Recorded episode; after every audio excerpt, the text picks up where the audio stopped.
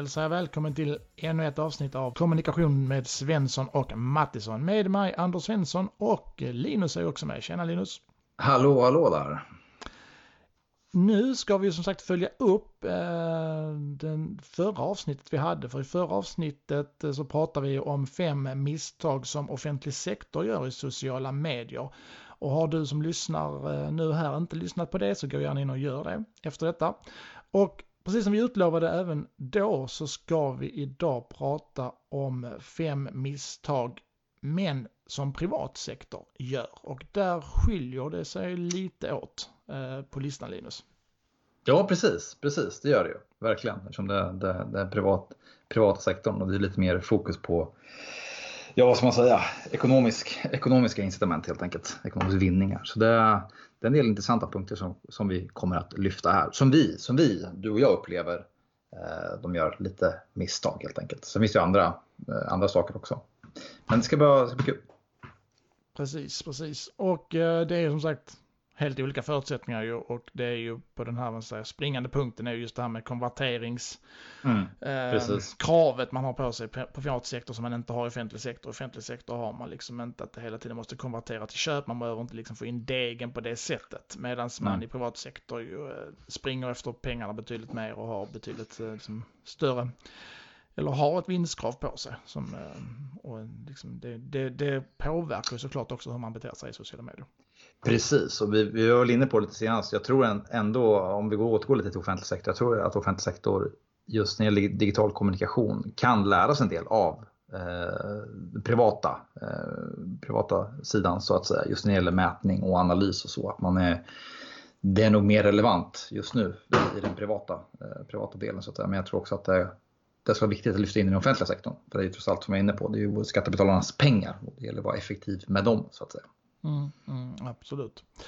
Du, jag tänker vi ska inte bli Nej. så mycket långrandigare utan vi går väl rakt på eh, listan här. Eh, yes. Och där har vi då på plats ett eh, gilla dela kampanjer. Och eh, jag förutsätter nästan att alla som lyssnar på det här eh, vet vad det är för någonting. Men de som nu inte mot förmodan inte vet Linus har du möjlighet att bara liksom dra en snabb eh, resumé av vad är gilla dela kampanjer för någonting.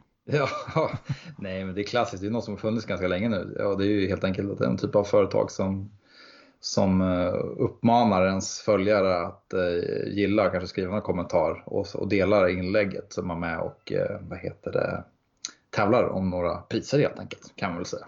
Kort och gott. Ja, precis. Och sen mm. blir det ju väldigt viralt i inlägget såklart ju. Det Precis. kan vara till exempel en, jag, jag tycker man framförallt se att det är ju mycket så här medelstora och mindre småföretag som gör det. Det kan ju exakt, vara alltifrån, eh, vad ska man säga, eh, ett sparhotell på någon ort till den lokala ICA eller Coop-butiken eller cykelbutiken mm. eller något sånt som, som ofta kör de här sakerna. Det är ju inte de, de här stora jättarna som, som kör. Nej. Men vi snackade lite om det här inför. Alltså, jag upplevde ju för ett tag sedan att det här var på väg bort. Men att det kanske fått lite, vad ska man säga, på väg tillbaka igen? Eller hur upplever du det? För det var ju som sagt för kanske 7-8 år sedan, då var det ju otroligt mycket. Men sen tyckte jag att det hade en tendens att försvinna. Ja, att, det är inte lika frekvent som det var tidigare, men jag tycker man fortfarande se det. Alltså, jag ser nog ett par stycken i veckan. Sen, mm. Eh, sen kanske det, det kanske avslöjar att mina, min, mina vänner på Facebook är mer benägna att dela sånt än vad dina är kanske. Jag vet inte. Men, ja, äh, precis. Eller mer, mer, mer kompatibelt nere i Skånetrakten också. ja, kanske det. Men nej, jag, jag upplever, jag, jag kan liksom... Men vad är det du har emot att företag gör så här så att säga? Ja, alltså man, man ska ju dels komma ihåg att eh, det här handlar ju mycket om att man vill ju, jag brukar säga att det här är lite form av, man dopar sina siffror i sociala medier. Det kan vara ett, ett snabbt effektivt sätt att kickstarta sitt konto till exempel. Om man som en liten lokal till exempel cykelbutik uh, har nyss startat sitt Facebook-konto och snabbt vill liksom mm. få följa och räckvidd så är det ju ett väldigt effektivt och snabbt sätt att göra på. Uh, och den så att säga räckvidden som det här inlägget ger uh, betalar ju tillbaka sig med att skulle man köpt samma typ av räckvidd så hade det blivit betydligt dyrare än vad det kanske kostar att skänka bort en, en, en Crescent cykel i present till exempel i de här gilla dela-kampanjerna. Mm. Eller en mm. spanat eller vad det nu kan vara. Uh, det jag alltid liksom ändå uh, slår ett slag för det är ju att Det handlar ju inte om, och, och där tycker jag fortfarande att mycket fokus ligger på hur mycket följare ett konto har och att man mäter någonstans ett kontos framgångar vid hur många följare man har. Och det är lite feltänkt tycker jag, för det här viktigaste för mig och det viktigaste för alla bör ju vara att eh, vad är det för typ av följare vi har istället och vad hur, hur engagerade och hur mycket interagerar de med det. Ja, precis. Så det är ju bättre att ha 300 superengagerade följare som tycker att det du gör är jätteintressant och kanon och kul och eh, vill liksom eh, interagera med dig och så vidare än att ha 30 000 mm. som bara skiter i dig. Eh, ja, och som bara blev, följde ditt konto mm. för att du vid ett tillfälle gav dem en mm. chans att kunna vinna någonting och så har man liksom inte orkat följa, avfölja det vad det är. Nej, precis. Du vänta, vänta man, jag ska bara stänga fönstret. Grannen klipper gräs där. Dra en Ja, det är sådana tider.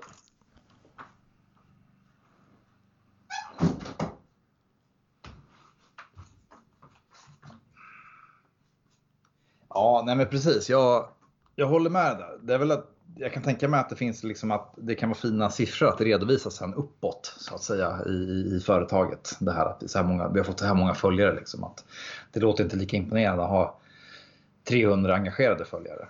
Men det gäller ju att kunna förklara liksom vilka, vad är det som döljer sig bakom siffrorna tänker jag. Ja precis, alltså det är ju bara att titta på um, hur vi har det i det vanliga livet. Alltså, mm du och jag och, alla andra, eh, frågar du vem som helst så, så föredrar man väl att ha tio riktiga vänner än, än hundra fejkvänner som, som eh, inte bryr sig om hur du mår eller om du lever eller är, är avliden eller något sånt. Alltså det, Nej, det är ju bara att titta där, det är exakt samma sak där skulle jag vilja mm. säga.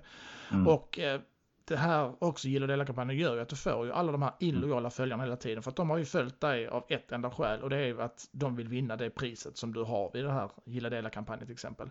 De följer mm. inte dig för att de är äkta genuint intresserade av vad det är du gör eller tycker att du är väldigt, väldigt bra och vill stötta dig eller engagera sig. Nej. Man kan, vi kan summera, vi ska gå vidare, men det, vi kan summera med att det är ingen, det är ingen långsiktig eh, eh lösning så att säga. Nej, det är doping av, av kontona och det kommer få illojala följare och det kommer inte vara speciellt långsiktigt. Så precis som, som doping i idrott är väldigt kortsiktigt, äh, mm. äh, kortsiktigt resultat så är det här samma sak för, för ett sociala mediekonto. Det, det, det är doping som, som ju kommer att straffa sig i slutändan för att du kommer inte ha rätt typer av följare som, som följer ditt konto utan det kommer vara massa, massa oengagerade personer som, som är, inte är lojala med dig alls. Så att eh, stekgilla delar skulle jag vilja säga. Jag förstår att det är frestande att göra. Det är fina siffror att se att ett inlägg har likats över tusen gånger och delats lika många gånger. Men försök tänk lite mer långsiktigt kanske och lite mer eh, så att säga hållbart om vi nu får använda mm. det uttrycket. Precis. Du, vi går vidare här på, på listan. Ja. Det känns som att många punkter går in lite i varandra här liksom. Men det ja, kan vara bra att särskilja lite grann då. Och nästa punkt på listan det är reklam har vi skrivit då. Och det vad ska man säga, hur ska man förklara det här? Det är helt enkelt att man lyfter in klassisk reklam fast i en liksom sociala medier eh, kontext helt enkelt. Alltså tänk er printannonsering eller webbannonsering om man lyfter in det i sociala medier-inlägg. Att du har kanske, du kör hård reklam för en, för en produkt på olika sätt och, och, ja, om erbjudande och extrapriser och sådär. Eh, och att jag upplever att det är inte särskilt kompatibelt med alltså, sociala medier, eh, kommunikation på, på det sättet. Det är inte så riktigt så man, man, man ska jobba. Det känns ganska liksom, förlegat och, och old school. Mm. Ja, och det, det, man kan säga reklam, ja, likställer med marknadsföring. Marknadsföring för mig är reklam eh, och vice versa. Mm. Eh, och det är ju lite grann därför så vi, vi har ju pratat i tidigare avsnitt också varför, varför marknadsföring i, i digitala kanaler är, är rätt så dött just nu. Eh, tills man kommer på någon, någon smartare metod eller vad det är. Men, men det är fortfarande väldigt mycket man, man tänker traditionella medier och försöker överföra det tänket på de digitala kanalerna. Men då tänker man inte på att det, det är helt nya typer av medium och så vidare. De gamla traditionella medierna. Där det, det var ju liksom Uh, lite mer envägskommunikation, megafon. Du kunde skrika ut ett säljbudskap och, och uh, folk var, var tvingade att lyssna vare sig de ville eller inte för de hade inga alternativ. Nu har folk Nej, en uppsjö av alternativ i ja. den här enorma digitala floran som det gör och det gör ju att allting uh, som är andras reklam och så vidare blir vi allt allergiska mot och Mm. Och eh, där är vi trötta på de här liksom megafonerna eh, och vi vill mm. liksom ha äkta flervägskommunikation istället medan reklam och marknadsföring ju är, är liksom en, den här megafonen man står på bordet och, och skriker ut det man vill ha utan att vara intresserad av en djupare relation. Precis, vi har ju nämnt det tidigare, men din, din, kommunikation eller er kommunikation måste ju bli vald av publiken för annars har ni inte eh, kommunicerat helt enkelt. Eh, och, eh, men jag, jag, ser det är fortfarande många stora företag som, som jobbar så här. Eh, och det är liksom ett, ett klassiskt reklamtänk från liksom printannonsering och tv-reklam. Så här, sen lyfter man in det också i, i, i sociala medier fortfarande nu 2020 och det tycker jag är ganska häpnadsväckande faktiskt. Ja, och vi kan ju ha lite fakta också som vi kan ju styrka lite den, den här trenden då att eh, en undersökning som gjordes i förra året, 2019, då, av Sveriges annonsörer så visar det ju att 59% av svenskarna är reklamtrötta. Och då ska ja. man komma ihåg att det är en siffra som har ökat med 15% på bara fem år. Eh, och i den här undersökningen uppgav ju även 27% att de använder adblockers. Uh, ja. Och uh, nästa gång man gör den här undersökningen så uh, skulle bli mycket förvånad om den här reklamtröttheten inte har ökat ytterligare. Så det är mm. alltså majoritet av svenskarna som är väldigt, väldigt reklamtrötta. Ja. vad det beror på, det kan man liksom... Har spelbolagens aggressiva marknadsföring bidragit till detta? Givetvis, de är ju överallt. Men det finns ju många andra parametrar, många andra lager i det här som, som gör det. Och ja. också för att ja, sociala medier är ett socialt medium. Vi vill inte mm. ha någon som försöker pracka på saker vi inte önskar hela tiden. Och vi, är mm. liksom, och vi har blivit jäkla duktiga också på att eh, vad ska man säga, identifiera reklam. Uh, vi har ju blivit väldigt ja. vassa på det. Och det, mm. Tänk själv, gå till sig själv. Det finns ju inget större än massa reklam som poppar upp hela tiden. Eller när man sitter på YouTube och det dyker upp den här jäkla reklamen hela tiden. Mm. Uh, mm. Och, och, där visar det också, alltså, vad är det, 90-95% av alla, eller 99 kanske till och med, Mm. Uh, nu kommer jag inte ihåg siffran exakt, men, men trycker ju liksom också ta bort reklamen, du vet när den tickar ner i vissa reklamer så här, du kan stänga den här annonsen om 5, 4, 3, 2, 1 sekunder.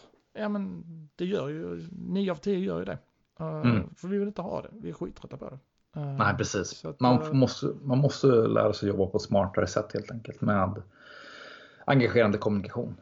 och sen på ett liksom där lyfta fram sitt varumärke på ett smart sätt helt enkelt utan att vara insäljande. Men det, det krävs lite mer lite mer eh, jobb och, och, engagemang helt enkelt från, från ens kommunikationsavdelning och ja, marknadsföringsenhet. Ja, jobba, jobba mer med liksom bra content istället. Eh, ja. Jag tror vi har tagit ett exempel tidigare i något avsnitt, men till exempel så som som, eh, som Betsson har jobbat exempel med det här med Fimpens Resa i YouTube, den här YouTube-serien ja, där han, Christian Fimpen Eklund, precis. åker runt i alla SHL-klubbar till exempel. Och nu är ju Betsson eh, huvudsponsor till SHL ja. också. Men, men där bjuder man ju på liksom en... Ja. Och det var ju Leifby gjorde det för några år sedan också, han åkte runt i Premier League också. Det var ju också ett, eh, ett spel, jag kommer inte ihåg vilket spel det var, om det var Ladbrokes kanske. Där, som, det är ju bra och det är bra, jävligt bra content faktiskt. Och de här får ju bra organiska visningar på, på YouTube, både Fimpen och vad heter det, Leifby de har inte, jag tror inte de har pumpat upp det med eh, liksom, att gå till en sponsor. Det handlar om ren organstittning och få bra organstittning. Helt, mm. helt rätt sätt att, uh, att köra. De kör också något studieprogram där, något, vet jag, något, uh, något spelbolag. Uh, men vad heter han? Gusten Dahlin va? Mm. Något, jag vet inte om de kör längre. Ja, äh, du smälter ju varumärket sömlöst in någonstans. Du, ja, du, precis. Det framgår tydligt att det här är en Betsson eller en, en annan spelbolagsprodukt. Men, men ja. det är någonting annat än, än det här liksom skrika ja. ut. Det, det ger ett värde av någonting. Det gör att vi kollar. Apropå spel, spelbolag, de har helt enorma, jag tror det var ett av de här största, jag ska inte, kanske inte nämna med namn, för jag vet inte exakt vilka det var, men de hade alltså en, en marknadsföringsbudget på typ, jag tror det var närmare 800 miljoner eh, för ett år. Mm. Fattar du? Det är helt sinnessjukt. Ja, ja, ja. Fatt, man förstår att det är mycket pengar i den, i den branschen. Liksom. Så det är en cynisk bransch också med tanke på folk som har ja, spelberoende helt enkelt. Men eh, det är så enorma, enorma summor. Ja, jag tror inte folk riktigt kan fatta hur, hur stora plånböcker spelbolagen sitter på. Eh, det är, är verkligen skrämmande. Tänk om Simrishamns kommun bara, ni får 800 miljoner i marknadsföring. Då tar jag in Fimpen då och kör YouTube. ja, nej, men som sagt, eh, det, det, här handlar om att tänka bort klassisk reklam. Eh, klassisk reklam är, är anpassad för traditionella gamla medier. Uh, funkar väldigt illa i nya och där sagt, har vi lite små exempel på det. Och där finns säkert betydligt fler. Uh, precis. Goda exempel. Yes. Uh, precis, vi går vidare. Mm. Tar du den punkten? Den tar jag och den går lite grann in i det här med som vi pratade om reklam tidigare. Men det är så här säljsnack. Mm. För mycket säljsnack är ju ett vanligt misstag till exempel. Och det har ju lite grann Du tänker på också. själva copyn i inläggen eller? Ja, eh, och framförallt också att man kanske fokuserar väldigt mycket på sina produkter eh, snarare än att kanske liksom prata om dem snarare. Alltså mm. återigen här, eh, eh, alltså säljsnack är ju också det här tydliga när man ser, nej men exakt det vi pratade om, att man jobbar liksom med, med printannonsering fast i sociala medier. Alltså det, det är liksom en, en snygg bild på någon typ av eh, kastrull eller vad det är och sen så ligger det liksom en sån här jätteextra prislogga på där liksom och köp nu liksom bara 99 kronor ordinarie pris 130 och så vidare. Och så pratar man bara kring det hela tiden. Nu har vi extra pris på det här och nu har vi eh, köp tre, betala för två och så vidare. Alltså det är väldigt, väldigt mycket säljsnack hela tiden. Mm. Uh, och det, det, funkar ju väldigt dåligt också. Det är ju reklam det också någonstans. Uh, men det är ju en, en, en, eh, ett av, av benen man står på. Och också det här liksom att det, det man jobbar liksom med sociala medier som om det vore någon typ av skyltfönster någonstans. Ehm, men, men eh, för många så blir det liksom, alltså skyltfönster, det är återigen det här att vi, vi är inte intresserade av, av det i sociala medier utan vi vill ju liksom interagera eller, eller få tag i schysst content eller vad det nu kan vara eller bli, bli underhållna på något sätt. Ehm, alla de här, alltså skyltfönster låter liksom vara på, på, på, på gågatan då i, i, i respektive stad, ett fysiskt skyltfönster, men, men det funkar inte riktigt lika bra i det digitala till exempel. Och mm, nu ska vi också säga att de liksom, fysiska skyltfönstren är också på väg bort, så att det finns verkligen liksom att skippa det här, för det, det blir väldigt då så icke genuint att hålla på med de här säljsnacken hela tiden. Och återigen, vi, vi känner direkt på oss när, när någon försöker sälja någonting eller försöker hypa en produkt till exempel och så vidare. Hypa är också en sån sak som, som ju går in i det här som, som mm. funkar väldigt, väldigt dåligt. Som vi är väldigt duktiga på att direkt identifiera och ta bort vårt flöde. Ja, yes. ska, ska vi gå vidare? Ja, det gör vi.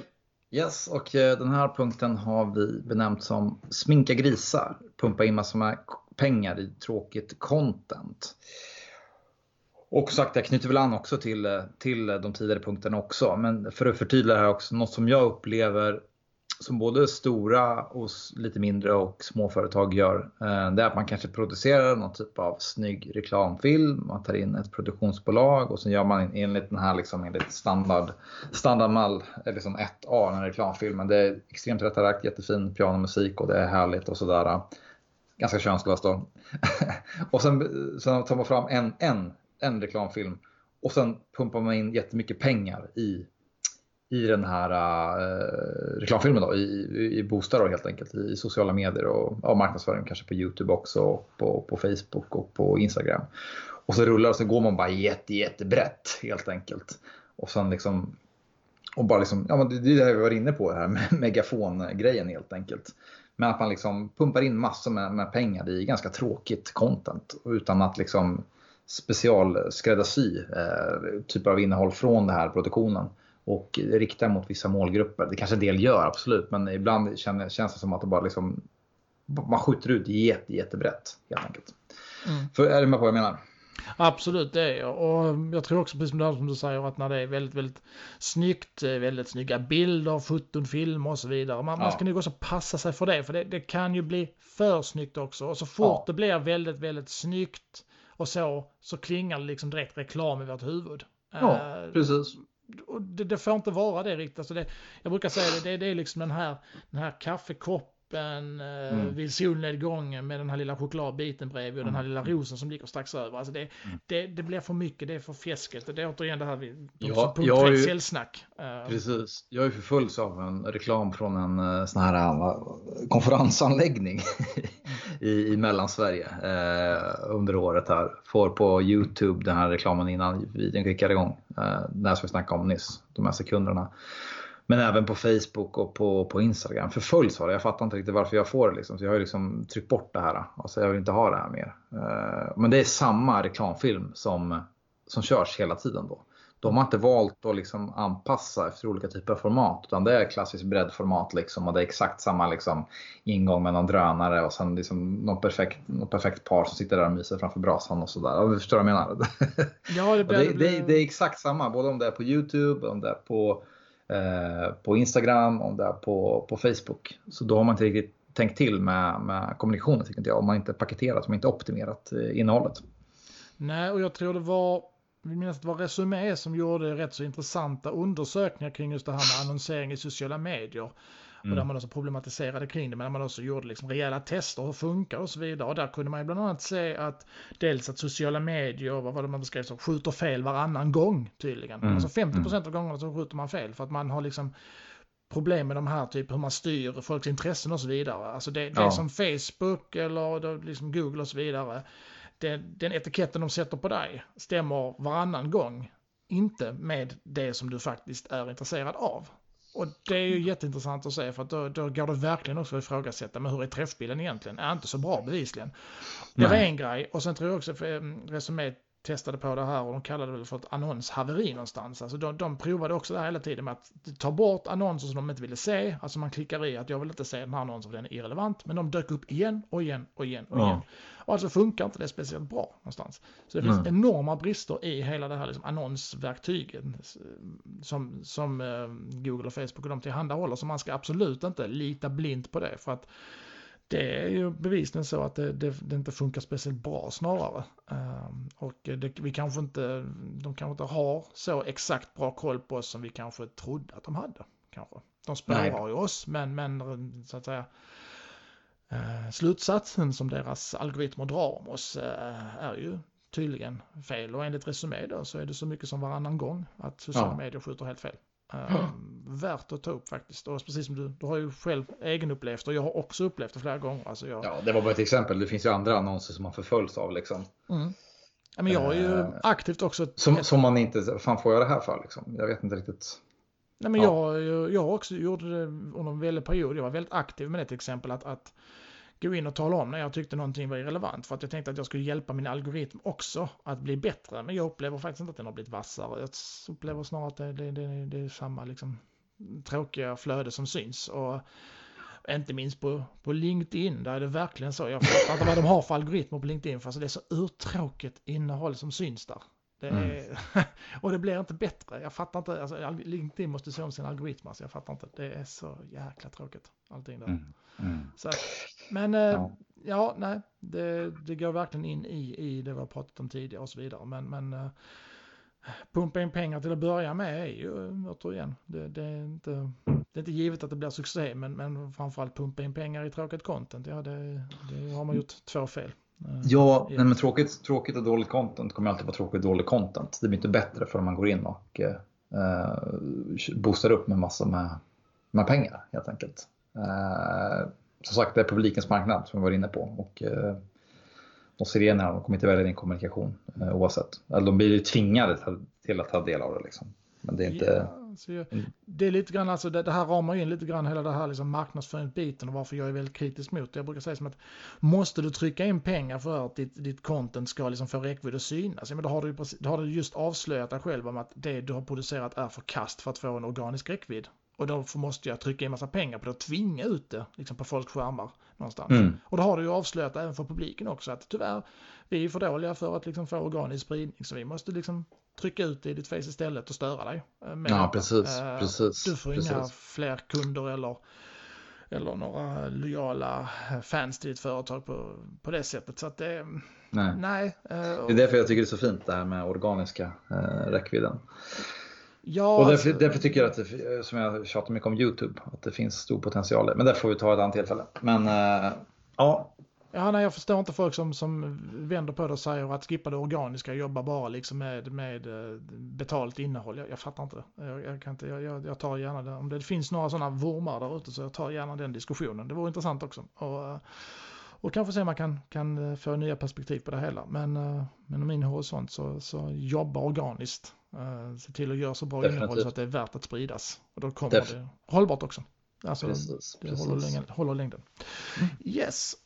Vi tar sista punkten då och då Mm. är det ju jaga likes. Mm. Och kortfattat kan man väl säga då att jaga likes, ja, men det är ju när du kommunicerar inställsamt till exempel. När du gör någonting i syftet att du vill bli omtyckt och få många likes och hejar upp, så, hejar upp och ryggdunkningar och så vidare. Ehm, då blir det ju också den här eh, väldigt så här platt blir det ju. Det blir väldigt som vi har tagit reda könslöst någonstans. Ehm, det, det blir lite som den här killen eller tjejen på skolgården som bara ville vara populär och som hela tiden sa och tyckte och tänkte det som man skulle göra, det som var liksom perfekt och aldrig riktigt någon, någon egen ståndpunkt egentligen. Uh, upplevs som väldigt ryggradslöst, väldigt fjäskigt till exempel.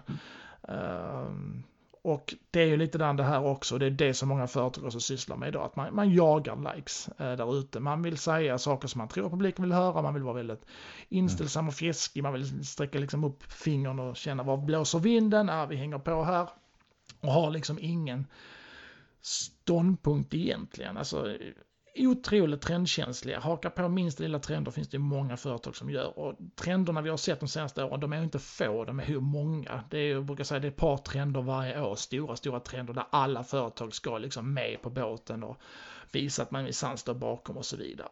Mm. Eh, jag, jag efterlyser de här företagen som gör ställningstaganden, vad ska säga, när, det, när det inte är en trend. När man går ut och säger att vi står för någonting som, som man kanske inte är i ropet just nu, men som man liksom gör utan att det har behövt bli en trend. För mig är det mycket mer äkta och trovärdigt och mm. genuint än någon som bara hakar på liksom där alla andra springer hela tiden. Mm. Uh, um.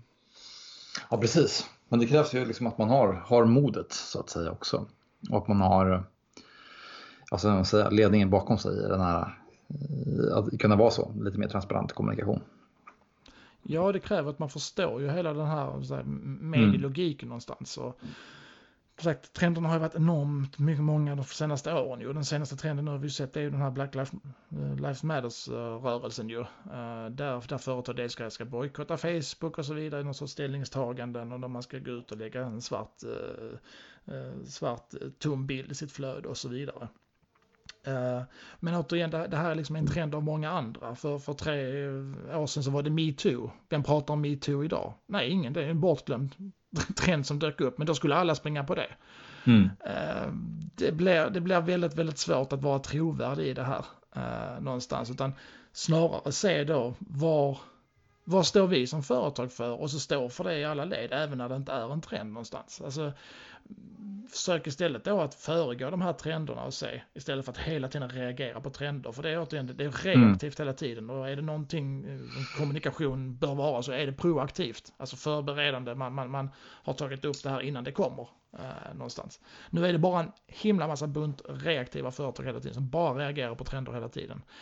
Idag är det Black Lives Matter, om ett halvår är det någonting annat, om två år är det någonting annat. Det, det blir inte trovärdigt, jag tycker inte det.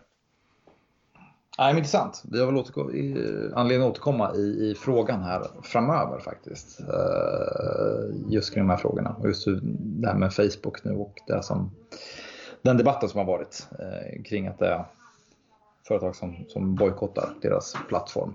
Men vi ska inte grotta ner oss uh, för mycket i Nej, det. Och sen, och sen som sagt så är det ju också så att, så att privata företag Visst, de får absolut göra precis vad de vill. De är fria till att stötta vilken typ av, av kampanj eller vilket politiskt ställningstagande de än vill göra och så vidare. Och de har ju den friheten att göra det. Och det finns liksom ingen som kan säga någonting om det. Men, men eh, man ska ju ändå återigen, tänka det här långsiktigt. Jag tycker ändå att alla de här punkterna vi har tagit upp här, det, det har liksom ett långsiktigt perspektiv. Att vi vill ju att den här liksom Mm. Kommunikationen som man ägnar sig åt i sociala medier ska ju liksom kunna, kunna hålla över tid och så vidare. Att det inte bara ska vara hela tiden det här alltså, så att säga, kortsiktiga, sälja, kränga för dagen och så vidare. Eh, tar ställ, vi tar ställning idag för någonting, om två veckor eller någonting Nej, annat. Alltså, man springer hela tiden, man, man blir väldigt identitetslös och inte så speciellt men, men jag tror inte man upplevs som att man har någon större integritet och så vidare. Och sen skulle jag vilja säga så återigen, det här, det här är en viktig grej i liksom företagsgrejen. Att kommunikation i sociala medier, den, den kommer inte rädda någon form av irrelevant eller dålig produkt. Det är många som tror att den gör det. Eh, jag skulle säga att privata företag, det, det handlar då om en fokus på att göra världens bästa produkt. Sen mm. kan man börja kommunicera äkta och ärligt kring den.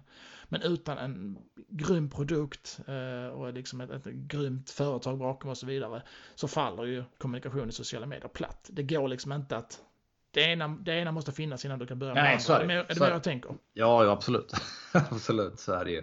Så är det ju verkligen. Det står ju faller, så är det ju. Mm, fokus på produkten till att börja med. Gör den bästa produkten, sen kommer yes. det andra av sig själv. Ja, nej, men det är en intressant fråga här, liksom hur, eh, eh, uh, ett företag liksom, egentligen att man arbetar mer med att med, alltså tydliggöra sina, sina olika typer av eh, värderingar. Och ett företag som vi har hyllat mycket, som var duktiga på det hela tiden, var konsekventa med det, det är ju Oatly. Uh, som jag nämnt för flera till, tillfällen tidigare. De är ju väldigt konsekventa med det och jobbar just väldigt proaktivt som du säger. Jag har någonstans också varit trendsättare, kanske inte, har inte heller bara kanske reagerat på trender utan har Nej. också kanske satt en trend. Eh, och har ju också en väldigt homogen kundgrupp skulle jag vilja säga. Eh, som de har byggt upp genom att de liksom i olika led har tagit ställning och så vidare. Ja, så, är det. så det handlar ju väldigt mycket om, om kundgrupp också för att jag menar det, det det måste företag också ha, att när man, när man tar ett ställningstagande och så vidare, ja vad har vi för kundgrupp, vad har vi för målgrupp och så vidare. Eh, riskerar vi att eh, exkludera hälften av vår, vår, vår, potentiella kundgrupp genom att ta det här ställningstagandet? Ja, då tror jag inte att företaget ska göra det egentligen, för ett företag ska ju ändå vara vinstdrivande. Alltså, det är ju ändå liksom show me the money som gäller. Eh, sen får folk säga precis vad de vill, så cynisk är jag i alla fall, att det, det handlar om pengar i första hand. Mm. Eh, man, man, vill göra, alla företag vill tjäna pengar. Det, det, liksom, det kan vi lika bra vara överens om. Och ska man då gå ut och liksom bli politiska aktivister och ta ställning till någonting och då samtidigt riskera att halvera sin, sin kundgrupp, ja men då är det ju ett självmål eh, som man gör. Eh, någonstans. Och jag vill inte tro att det finns många företag som, som gör så. Eh, mm. men, men det riskerar att bli så. Man mm. tänker inte riktigt. Man, man liksom det här ställningstagandet blir, blir före allting annat. Men det slutar med att då kanske cashen slutar komma in. Uh, mm. I den, den strida strömmen som man är, har, har vant sig vid. För man exkluderar en kundgrupp till exempel. För alla våra kunder kanske inte står bakom detta. Och mm. då kanske de blir tvärt emot. Man får en backlash på det. Ja, men det är sannolikt ett... Vi, har, vi har anledning att återkomma till, till den här frågan eh, framöver på, på, på olika sätt. Ja, det är en djupare fråga som vi liksom inte ska, kan avhandla här till botten. Men vi, vi, i höst kan vi nog lova att vi, vi ska försöka att ta detta och då, då kanske det blir bättre och lättare att kunna summera allt detta när vi ändå har en sommar bakom och kanske lyfta mm. de här sakerna och liksom fallit lite grann till ro och så vidare. Vilket de ju har gjort lite grann här under sommaren. Men det blir, eh, det, jag tänker att det blir, blir spännande avsnitt att följa upp lite grann. Eh, det här som har, har varit nu framförallt i, i sociala medier och och eh, det här med lite så här, hur kommunikation har blivit väldigt syftesdriven och värderingsdriven. Precis. Det återkommer vi till.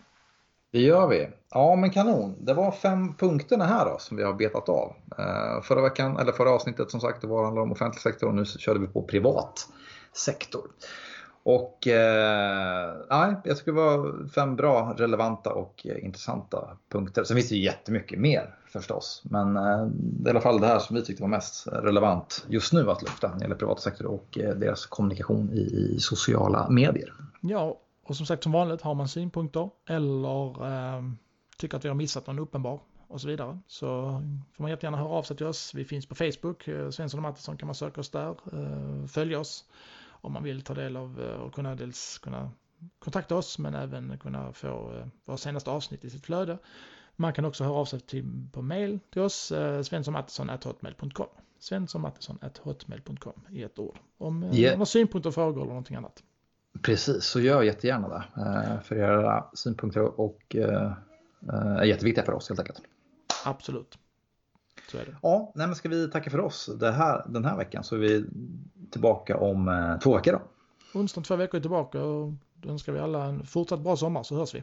Ja, ha en bra sommar. Hej då, hej då. Hej.